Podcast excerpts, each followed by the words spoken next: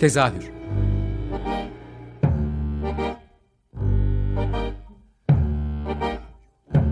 İstanbul tiyatro hayatı üzerine gündelik konuşmalar. What keeps mankind alive? What keeps mankind alive? The billions are daily tortured, stifled, punished, silenced and oppressed. Mankind is kept alive by bestial acts. Hazırlayan ve sunan Gülin Dede Tekin. Tezahürden herkese iyi akşamlar. Ben Gülin Dede Tekin. Tezahürde bu akşam tiyatronun ne yapacağı belli olmayan çocuğu doğaçlama tiyatroyu konuşacağız. Ee, bunun için de Türkiye'nin ilk profesyonel doğaçlama tiyatro topluluklarından İstanbul İmpro ile beraberiz ve e, İstanbul İmpro'nun e, kurucuları diyebileceğim Zeynep ve Koray Tarhan'dan dinleyeceğiz. E, nasıl bir şey bu doğaçlama tiyatro ve İstanbul İmpro'nun geçtiğimiz yaklaşık 17 yıllık serüvenini. Hoş geldiniz. Hoş bulduk. Hoş bulduk. Merhabalar. Ee, ee, İstanbul İmpro buyurun. Anlatmaya başlayayım İstanbul İmpro bir, bir, girizgah yapacaktım da bugün burada olmanızın e, bunca yılda sizinle ben konuk almamış olmamla önce bir girizgah yapacaktım. Kusura bakma böldüm. E, bu da benim ayıbım olsun tabii ama e, yani söyleşinin sonlarına doğru daha detaylandıralım ama e, başını da dinleyen duysun istediğim için bahsetmek de istiyorum. Bir uluslararası doğaçlama olimpiyatlarında sizi e, biz izleyemesek de en azından ülkemizi temsil edeceksiniz e, Münih'te bu sene. Ee, biraz böyle bunu görünce çok heyecanlandım ben de. Ee, buradan vesileyle doğaçlama tiyatroyu da İstanbul İmpro'yu da konuşalım istedim. Ee, şimdi tekrar sözü sana vereyim Korhan. Teşekkürler. Ee, söylediğiniz gibi Münih'te e, doğaçlama tiyatro olimpiyatlarında Türkiye'yi temsil edeceğiz. 18 ülkeden biriyiz. Ee, doğaçlama tiyatro e, hikayenin aslında seyirciyle birlikte sahne üzerinde hiçbir hazırlık olmadan kurulduğu bir e, performans biçimi, disiplinler arası buluşmalara açık ki bizim sahnemizde de İstanbul İmpro'nun sahnesinde de 17 yıldır yaptığımız gibi biçimler arasında e, gidip gelerek e, seyirci oyuncu arasında da diyaloğu ve oyuncular arasında da diyaloğu e, ön planda tutarak e, bir nevi hafızayla hikayeyi kurmak aslında.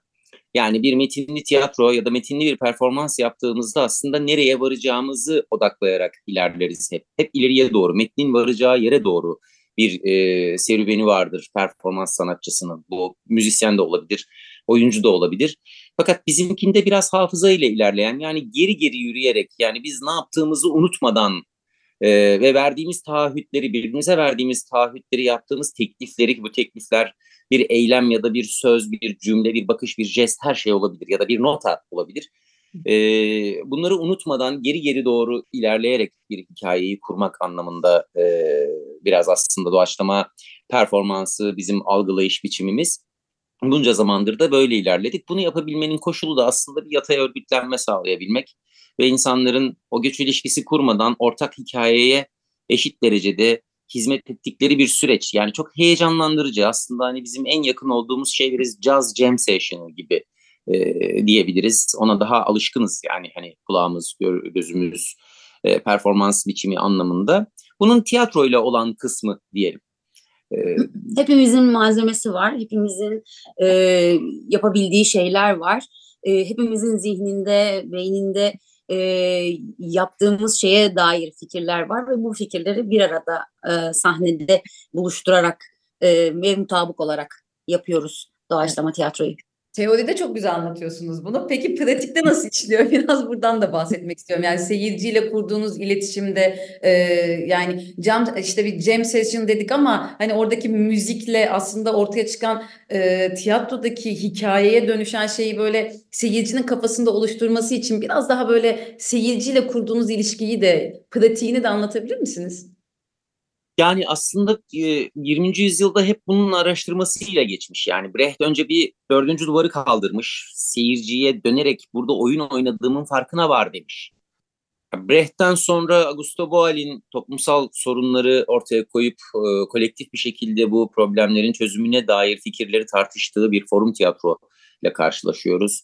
Ondan sonra işte e, bir takım yaratıcı drama çalışmaları, işte Moreno'nun çalışmaları, daha sonra Viola Spolin de yine bir rekreasyon merkezinde başlıyor ki bizim doğaçlama tiyatronun e, babaannesi diye sayılır.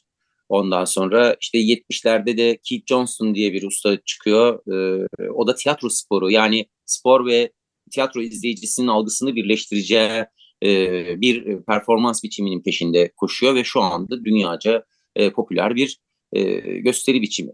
Ki şunu da biliyoruz, e, Brecht de 30'lu yıllarda bir boks hayranı kendisi, spor karşılaşmalarına e, giden bir e, kişi kendisi ve orada işte zamanın e, Almanya'daki boks şampiyonuna e, şöyle bir şeyler dediğini biliyoruz. Yani spor izleyicisinin algısıyla tiyatro izleyicisinin algısını birleştirmek istiyorum gibi bir hayalinden bahsediyordu. Hani bu kanaldan yürüyen bir e, performans biçimi aslında. Sporda da seyirci ne izleyeceğini bilir ama nasıl bunun nasıl gerçekleşeceğini bilmez. E, dolayısıyla hani buradaki algıyı da alacak olursak eğer e, şimdi biz e, tiyatrocular olarak çok sağlamcı ilerliyoruz genel olarak. Hani bir premierde bir tavan yaparız. ikinci oyunda aslında duygusal olarak tatmin olduğumuz için ikinci oyunda düşeriz. Sonra tekrar prova yaparız. Onu belli bir standarda getiririz. Sonra galada yükseliriz. Bir de son oyunda şaka yaparken yükseliriz. Genel itibariyle bir ortalama bir e, e şeyin içerisinde bir, bir işin dönüşü. Efendim? Çok güzel bir özet oldu. ee, yani böyle hani biz metin tiyatroda yaptık çokça. Hani burada e, sanatçının motivasyonu, algısını baktığım zaman ben kendi adıma bunu e, gözlemliyorum. Fakat hani e, aynı bir jazz jam session'ında olduğu gibi doğaçlama tiyatroda da e, ne zaman ne olacağını bilemiyoruz ve çuvallamaya gönüllü olmamız gerekiyor. Yani seyircinin karşısında yanlış nota basabilme cesaretine sahip olduğumuzda e, caz yapabiliyoruz, doğaçlama yapabiliyoruz ki hatta müzisyenler arasında şöyle bir şaka vardır. Aynı yanlış notayı üç kere bastın mı caz olur diye. E, dolayısıyla hatalarımızı kabul ederek ilerlediğimizde e, farklı hikaye alternatiflerine doğru yol olabilmemiz mümkün oluyor. Tiyatroda da böyle. Yani şöyle söyleyeyim çok kısaca bir şey daha ekleyeyim. Hani nasıl oluyor doğaçlama tiyatro? Aslında metni ve dramaturjiyi sahne üzerinde anında yaptığımız bir biçimden bahsediyoruz. Dolayısıyla oyuncuların sadece komik gegler yapmak ya da zeka gösterisiyle espriler patlatmak, seyirciyi e, güldürmek yerine e, kendi sahip oldukları ortak etiğin ışığında bir hikaye kuracak dramaturjik algıya ve hikaye heybesinin dolu olmasına ihtiyaç var. Bunlar olmadan da olabilir. Çok sezgisel bir yerden de yürüyebilir. Ama tabii ki her e, bu bunu bir zanaat olarak alalım önce. E, e, zanaatte de bol zımpara yapmak gerekiyor.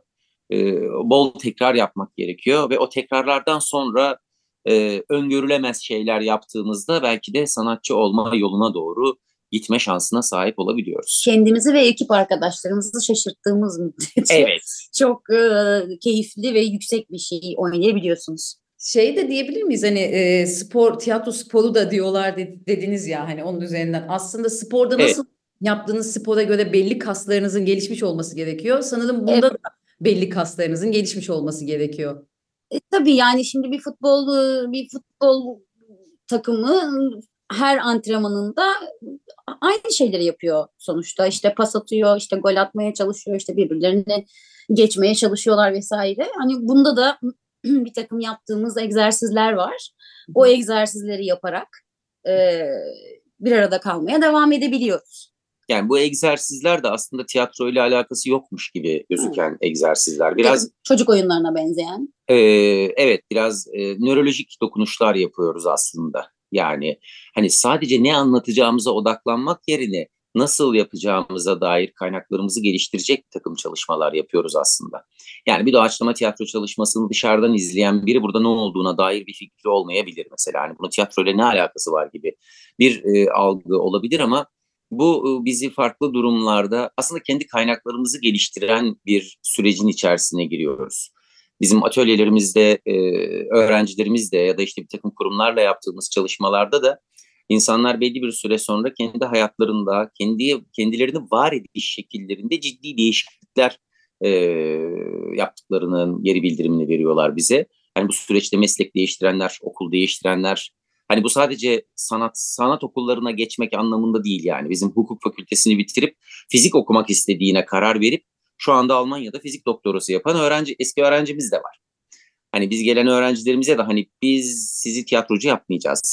Hani bu sizin kendi serüveniniz diyoruz. Yani biz siz ne yapmak istiyorsanız kendi kaynaklarınızı geliştirmeye e, yardımcı olacak özgür bir alan yaratmak niyetindeyiz. Hani burada da konfor alanımızdan çıkıp birbirimizi tanıyarak önce kendimizi de tanıma yoluna gireceğiz diyoruz. Hani bu anlamda hani mesela şu çok enteresan geliyor bana. Biz bunu 20 küsür senedir bu eğitimleri veriyoruz. Bu süreç içerisinde ben bir takım uluslararası konferanslarda da bunu anlattım. Bir takım işte e, nörolojiyle alakalı doktorlarla birlikte de çalışmalar yaptık biz bir takım üniversitelerde, panellerde. Ben orada şu soruyu, şu tespiti söyledim. Ben çalışmalarımda bugüne kadar 12-13 tane çocukken solak olup zorla sağlak yaptırılmış insan keşfettim mesela. Yani 40 küsur yaşında insan kendisi hüngür hüngür ağlayarak ben 5 yaşında e, solaktım aslında diyerek o an hatırladı ve 6 ay sonra meslek değiştirdi. Yani 35 yıldır başka bir insan gibi davranıyormuş aslında. Hani e, dini, geleneksel bir takım ön yargılarla e, kişinin kendi olmaktan çıkıp başka bir insanmış gibi davranması yani aslında bu sistemde hepimiz de biraz öyle değil miyiz yani? Hepimizin cebinde bir yerlere gitmek, yok güneye yerleşmek ya da yurt dışına gitmek ya da o bulunduğumuz yerden başka bir yere gitmek, başka bir yerde mutluyuz zannettiğimiz bir sürecin içerisinde oluyoruz aslında. Ee, doğaçlamada biraz kendi zeminimize yani ilhamımız başka bir yerde değil aslında. Yaşadığımız zeminin üzerinde ve bu yaşadığımız bedenin ve zihnin içerisinde gerçekleşiyor. Oralardan devşirip oyuncu arkadaşıma bu teklifi kurduğumda bizim temel prensibimiz de karşındakinin ışıldamasına hizmet et. Benim fikrimi beni ışıldatmak için kullanan e, arkadaşımın yaptığı teklife de ben de aynı prensibi işlettiğimde işte biz o noktada karşılıklı bir Beraber etikle evet. evet. Tam orada ben de şeyi soracağım zaten. Aslında bu bireysel kendini keşfetmenin yanında doğaçlama tiyatro uzaktan gördüğüme yani işte dahil oldum seyrettiğim kadarıyla da şey gibi geliyor bana. E, sonsuz bir güvene dayanmak zorunda sahnede birbirinize karşı. Yani orada hı hı kolektif yapı, birbirine güven, e, komün bir komün oluşturma, e, yani o bireyselliğin de dışına taşıp so, o keşfettiği bireyselliği toplumda, yani bunu toplumun üzerinden anlattığın için söylemek istedim. Hı hı. E, kendini o birey olarak orada nasıl var edebileceğini de öğreten bir şey galiba. Evet. Evet öyle ama aynı zamanda hiç tanımadığımız insanlarla da bir arada bir araya gelip birlikte festivallerde, konferanslarda beraber oynadığımız, hiç bilmediğimiz kişilerle de bir arada evet, olduğumuz. Güven duymak zorundasın karşı tarafa kendini bırakabilmen için gibi geliyor. Aa, evet ama aslında işte doğaçlama tiyatronun prensibi olarak yani impronun prensibi olarak aslında bu impronun e, belli kuralları var ve herkes o kurala uyduğu sürece birbirini tanısan da tanımasan da aynı dili konuşsan da konuşmasan da bir araya gelip e, etkileyici bir şey ortaya koyma ihtimalin çok yüksek. Yani kuraldan öte prensip aslında hani biraz da. Evet. Ee, evet, bir de evet. şimdi bizim ülkemizde çokça şey biliniyor işte son 20 senedir hani böyle e, bizim short form dediğimiz kısa biçim e, doğaçlama gösteriler ki tiyatro sporu bunun en popüler e, formatlarından biri. Fakat biz İstanbul Impro olarak yaklaşık 15 senedir e, uzun biçim dediğimiz e, gösteri biçimlerine odaklandık. Burada da işte bir saatlik, bir buçuk saatlik hikayeleri kesintisiz karakter derinliğiyle e, bir dramaturjik yapıya sahip olmasını öngörerek yürüttüğümüz çalışmalar ki doğaçlama tiyatroda da bu e, çalışmalar aslında e, 68 hareketiyle başlayan bir şey. E, yani 50'lerde Chicago'da işçi sınıfı hareketinin içerisindeki hani Chicago'daki tiyatro hareketi biraz böyle hani şey derler Stanislavski New York'a nasıl gittiyse hani orada aktör stüdyolar oradaki biçimler. Brecht de aslında Chicago'ya Brechtianler de Chicago'ya gidip oradaki o e, işçi sınıfı e, hareketiyle birlikte yürüyen bir e, biçim e, gelişiyor ve e, 68 hareketiyle o komünal e, yaşam deneyimleri tiyatroda da bu komünal e, ve kolektif üretim biçimini tetikleyen ve cesaretlendiren bir şeyle ilk long form denemeleri, ilk uzun biçim denemeleri o zaman başlıyor ve şimdi artık mesela bizim e, oynadığımız Anton Chekhov'un yazmadığı oyunlar var. E, işte 225'e yakın oyun oynadık 10 yılda. E, şimdi 3 e, senedir 3-4 senedir de şey oynuyoruz. Tennessee Williams'ın yazmadığı oyunlar. Hani bu ne demek? Önceden bir dramaturji çalışması yapıp oyunları analiz edip tersine mühendislikle tekrardan Çehov'a en yakın sonucu ortaya çıkartacak bir e, süreçle oyunu gerçekleştiriyoruz. Peki şeyi soracağım bu noktada. E, seyirciniz sizi bilerek mi geliyor yoksa işte şaşırarak tiyatroya bakışını bakışı değişen hani nasıl rastlaşmalar oluyor biraz onu da merak ediyorum. Son bu şeye geçeceğim bir iki dakika bunu konuşursak sonrasında hı hı. geçelim istiyorum. Her her her tür yani seyir, her türlü seyirci var. Yani çok bilip 10 gösteri üst üste gelen de var. İlk defa gelip e, tesadüfen e, bizimle tanışan da var ama tanışan bir kere tanışan bir daha bırakamıyor. Öyle söyleyeyim. yani çünkü oluş hali oluş hali çok e, hoş geliyor onlara bir yandan da yani e, e, o aradaki o suskun kalıp işte ışıkların kapandığı tek başlarına orada durup işte sadece seyirci olarak kaldıkları şey değil de tamamen kendi fikirlerinden yola çıkarak yapılan birçok e, gösteriyi seyretme şansına sahip oluyor. Ben buna ek olarak bir de bir şey söylemek istiyorum. Ee, dediği gibi yani doğaçlama tiyatro seyircisinin şöyle bir durumu var. Hani bir geldi mi bir daha geliyor. Ee, yani bu son 20 yıllık e, seyirci profili deneyimde gördüğüm çok enteresan bir nokta var ki benim en önemsediğim şeylerden bir tanesi bu. Ee, bizim kimi fanatik izleyicilerimiz e, ilk gösteriye arkadaşlarının zoruyla gelip ya ben tiyatroyu hiç sevmiyorum diyerek gelip sonra o arkadaşlarından ayrı 30 kere üst üste gelip atölyelerimize katılıp e, gösterilerimizde yani öğrenci gösterilerimizde e, çıkan ve katalizör insan haline gelen e, bireylere dönüştüler. Hani bu bence şey bir, bir, bir soru atıyor ortaya yani. Hani e, biz hep şikayet ediyoruz seyircinin tiyatroya gitmediğinden de Hani biz onlara ne kadar gidebiliyoruz? Çünkü tiyatro tek bir form değil aslında. Evet. Yani hiçbir sanat tek bir formda algılanabilecek bir durumda değil. Yani hani biraz spekülatif de bir şey söyleyeyim. Bugün hani yazar, yönetmen, dramaturji ve e, bilindik tiyatro organizasyonu tarihi aslında 200 yıl. Evet. Yani sanayi devriminden sonra bu görev dağılımıyla bu net yapıp ve biz bunu mutlak zannediyoruz. Oysa mutlak değil. Yani arayışın devam ettiği bir, bir yani daha çok yeni, daha çocuk aslına bakarsanız yani. Evet, tabii ki. Yani üretim araçlarımız ve toplumun nasıl örgütlendiği tiyatronun o kolektif örgütlenmesini de değiştirip dönüştüren bir e, zaman ve e, mekan sunuyor bize.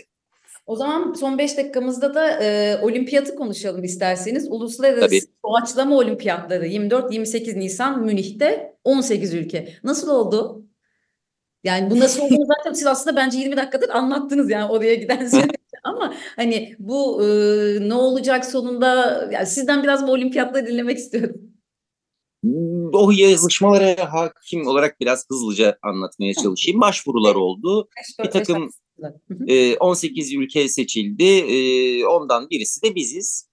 Ee, şöyle havalı bir şey söyleyeyim. 26 Nisan'da İtalya ile 27 Nisan'da da Liechtenstein'la maçımız var. Aynı gruptayız e, bu organizasyon bu arada Impro M e, Münih'te bir organizasyon ve bu e, UEFA'nın at e, organizasyonlarının sponsor olduğu bir e, organizasyon. Hani bu anlamda şey çok önemli. Ana akım kültür e, destekçileri, organizatörleriyle biz şimdi 50 senedir bir alt kültür olarak bir alternatif e, underground bir e, kültürün içerisindeyiz. Bunun ikisinin birleşerek bir organizasyona dönüştüğü e, en büyük organizasyon şu şu ilk. anda. Evet ilk. E, 2024 yazında olimpiyatlar var. Aynı zamanda UEFA e, Avrupa e, Kupası var, şampiyonası var. Ve bununla paralel olarak doğaçlama tiyatronun da bu spor ve sanat e, tiyatro e, şeyini birleştiren e, şeyini e, Almanlar ciddi bir fırsat olarak değerlendirmişler ve böyle bir organizasyona girişmişler. E, herkes çok heyecanlı. Efendim? İlki değil mi bu? İlk, ilk. ilk. Yani daha önce çok festivalde biz Türkiye'yi temsil ettik. Yani Chicago'dan Pekin'e kadar diyeyim. Hani onlarca festivale gittik geldik. Biz burada bir sürü insanı ağırladık ama bu dediğim anlamda hani bir ana e, kültür e, kanalıyla bu underground kültürün birleştiği bir e, ciddi bir organizasyon. Çünkü her şeyin temeli para. Yani burada işte Münih Belediyesi de sponsor, Alman hükümeti de sponsor, efendim söyleyeyim UEFA da sponsor ve şu anda aslında ön etkinlikler başlamış durumda. Vize sıkıntısı olmayan kişiler gidip dostluk maçları yapabiliyorlar mesela. Bu anlamda hani bizim entegrasyonumuz biraz vize sürecine bağlı olarak ilerleyecek ve şöyle ilerliyor. olarak. Bu arada şeyi de organizasyonu da tam bir futbol e, şeyi turnuvası mantığıyla yapmışlar. Biz şimdi Liechtenstein ve İtalya ile aynı gruptayız. O e, bizim olduğumuz hafta bir üç takımlık başka bir grup var. O gruplardan çıkanlar Mayıs ayında e, final haftasına katılacaklar. İşte yarı final, çeyrek final ve final şeklinde ilerleyecek. Bizden önceki bir hafta yine e, 6 ekip, 2 ekip çıkartacak. Bizim haftamızda 2 ekip çıkacak. Bizden sonraki hafta yine iki grup üçerli e, takımlarla. Kaç kişilik Ve ekiplersiniz? 3 kişilik. Üçer. Yani şöyle bir sınırlama var. E, 18 takım, e, 18 ülkeden birer takım. Her tiyatro grubu 3 oyuncusunu yolluyor. Hı hı. Ve burada birlikte Üçüncünüzü doğaçlama mı? Adını almış olalım. Sizin üçüncünüz Aa tabii tabii tabii. ki. E, Deniz, Deniz, Çeküç. evet. Deniz Çeküç de bizimle beraber olacak. Ee, İstanbul Impro'da o da uzun zamandır. Hı hı. Ee, üçümüz bir arada e, gideceğiz bakalım. Çok heyecan verici gerçekten. Ee, Evet. Yani bu peki sizin yani diğer ekipleri izleme şansınız oldu mu? Daha önce yan yana geldiniz mi? Biliyor musunuz? Ee, E, aslında içlerinde daha önceden bir takım festival ve konferanslarda tanışmış olduğumuz arkadaşlarımız var. tabii ki. Ama e, bizim oynayacağımız grupta ilk defa tanışacağız arkadaşlarla. Evet. Da- tam o Zeynep'in de ilk başta bahsettiği hiç tanımadıklarımıza karşı e, Peki e, inançlı mıyız? Kazanacak mıyız? Yani spormuş ya böyle bir şey. Valla yani inançlıyız. Öğrenciler bir kere zaten çok yani hepsi her hocam alıyoruz kupayı değil mi falan gibi böyle her seferinde şey yapıyorlar ve birçok öğrencimiz hani vizesi olan e, yeşil pasaportu olan birçok öğrencimiz hocam biz de geliyoruz şeklinde konuşuyorlar. Hepsi beraber gelecekler valla bayağı bizi şeyle seyircimizle beraber gidiyoruz gibi bir şey Yani oluyor. Şöyle bir şey söyleyeyim ben kendi adıma bu işin kendisi zaten bir ödül. Evet. Yani doğaçlama tiyatroyu birlikte yapıyor olmak o kadar özgürleştirici ve o kadar kendisi kendisinin ödülü olan bir şey ki e, gerçekten tiyatro sporu gösterilerinde bu tip müsabakalı gösteriler var ama bu bizim bildiğimiz anlamda geleneksel müsabaka mantığını tepe taklak eden bir şey. Yani biz daha önce mesela katıldığım Londra'da da ben buna benzer bir şeye e, katıldım. 20 oyuncu arasında ikinci oldum gibi e, bir şeyi de söyleyeyim. Ama yani oraya çıkarken gerçekten kaybettiğiniz zaman coşkuyla sahneyi terk edin diye bir geri bildirim vardır. Çünkü temel olarak hep beraber kazanan kaybeden tırnak içinde söylüyorum bunları. Temel amacımız güzel bir sahne gösterisi çıkartmak İyi bir, iyi aslında. çıkarmak. Evet. Yani En e, dolayısıyla hani gerçekten o hani birincilik, şampiyonluk kocaman bir şakadan Kesinlikle ibaret. tabii. Hani o UEFA gibi düzenlendi dediniz ya. Tabii tabii tabii. gönderme. tabii. Bir de İngilizce oynayacağız. Onun da şeyi var yani. Hani Aa, evet, onu soracaktım. Dil bariyerini aşabiliyoruz. Değil mi? Tabii ki. Tabii, açıyoruz. tabii ki. Zaten bu işe meftun olmamızın sebebi bu. Biz Zeynep'le ilk 2004 yılında Berlin'de Impro Festivali'ne katıldık. Dünyanın en acayip festivallerinden biriydi ve biz de neyle karşılaşacağımızı bilmiyorduk. Bütün bu anlattıklarımızı aslında o festivalde öğrendik. Bize sahneye attılar. Ee, oynadık. Üç gün sonra bir Alman geldi bana. Dedi ki siz oynuyor musunuz bu akşam dedi. Evet dedim. Yaşasın dedi gitti. Ben böyle ne oluyor ya dedim. Hani tiyatro çok lokal bir sanat gibi algılanırken ben şimdi 72 milletten insanın karşısında oynuyorum ve temas edebiliyorum. Bu bu iş bir acayip. Çok küresel bir şey yani aslında. Evet. Evet, evet.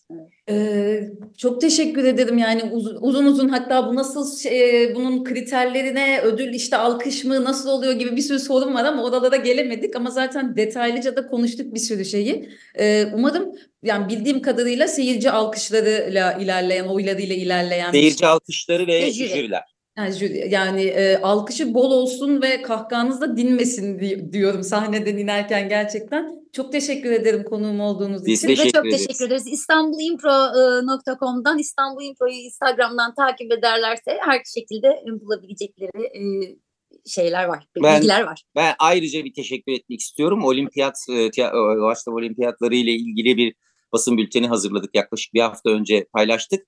Ee, hani medyadaki bizim e, forvetimiz Açık Radyo yine bu topu gördü ve 90'a çaktı.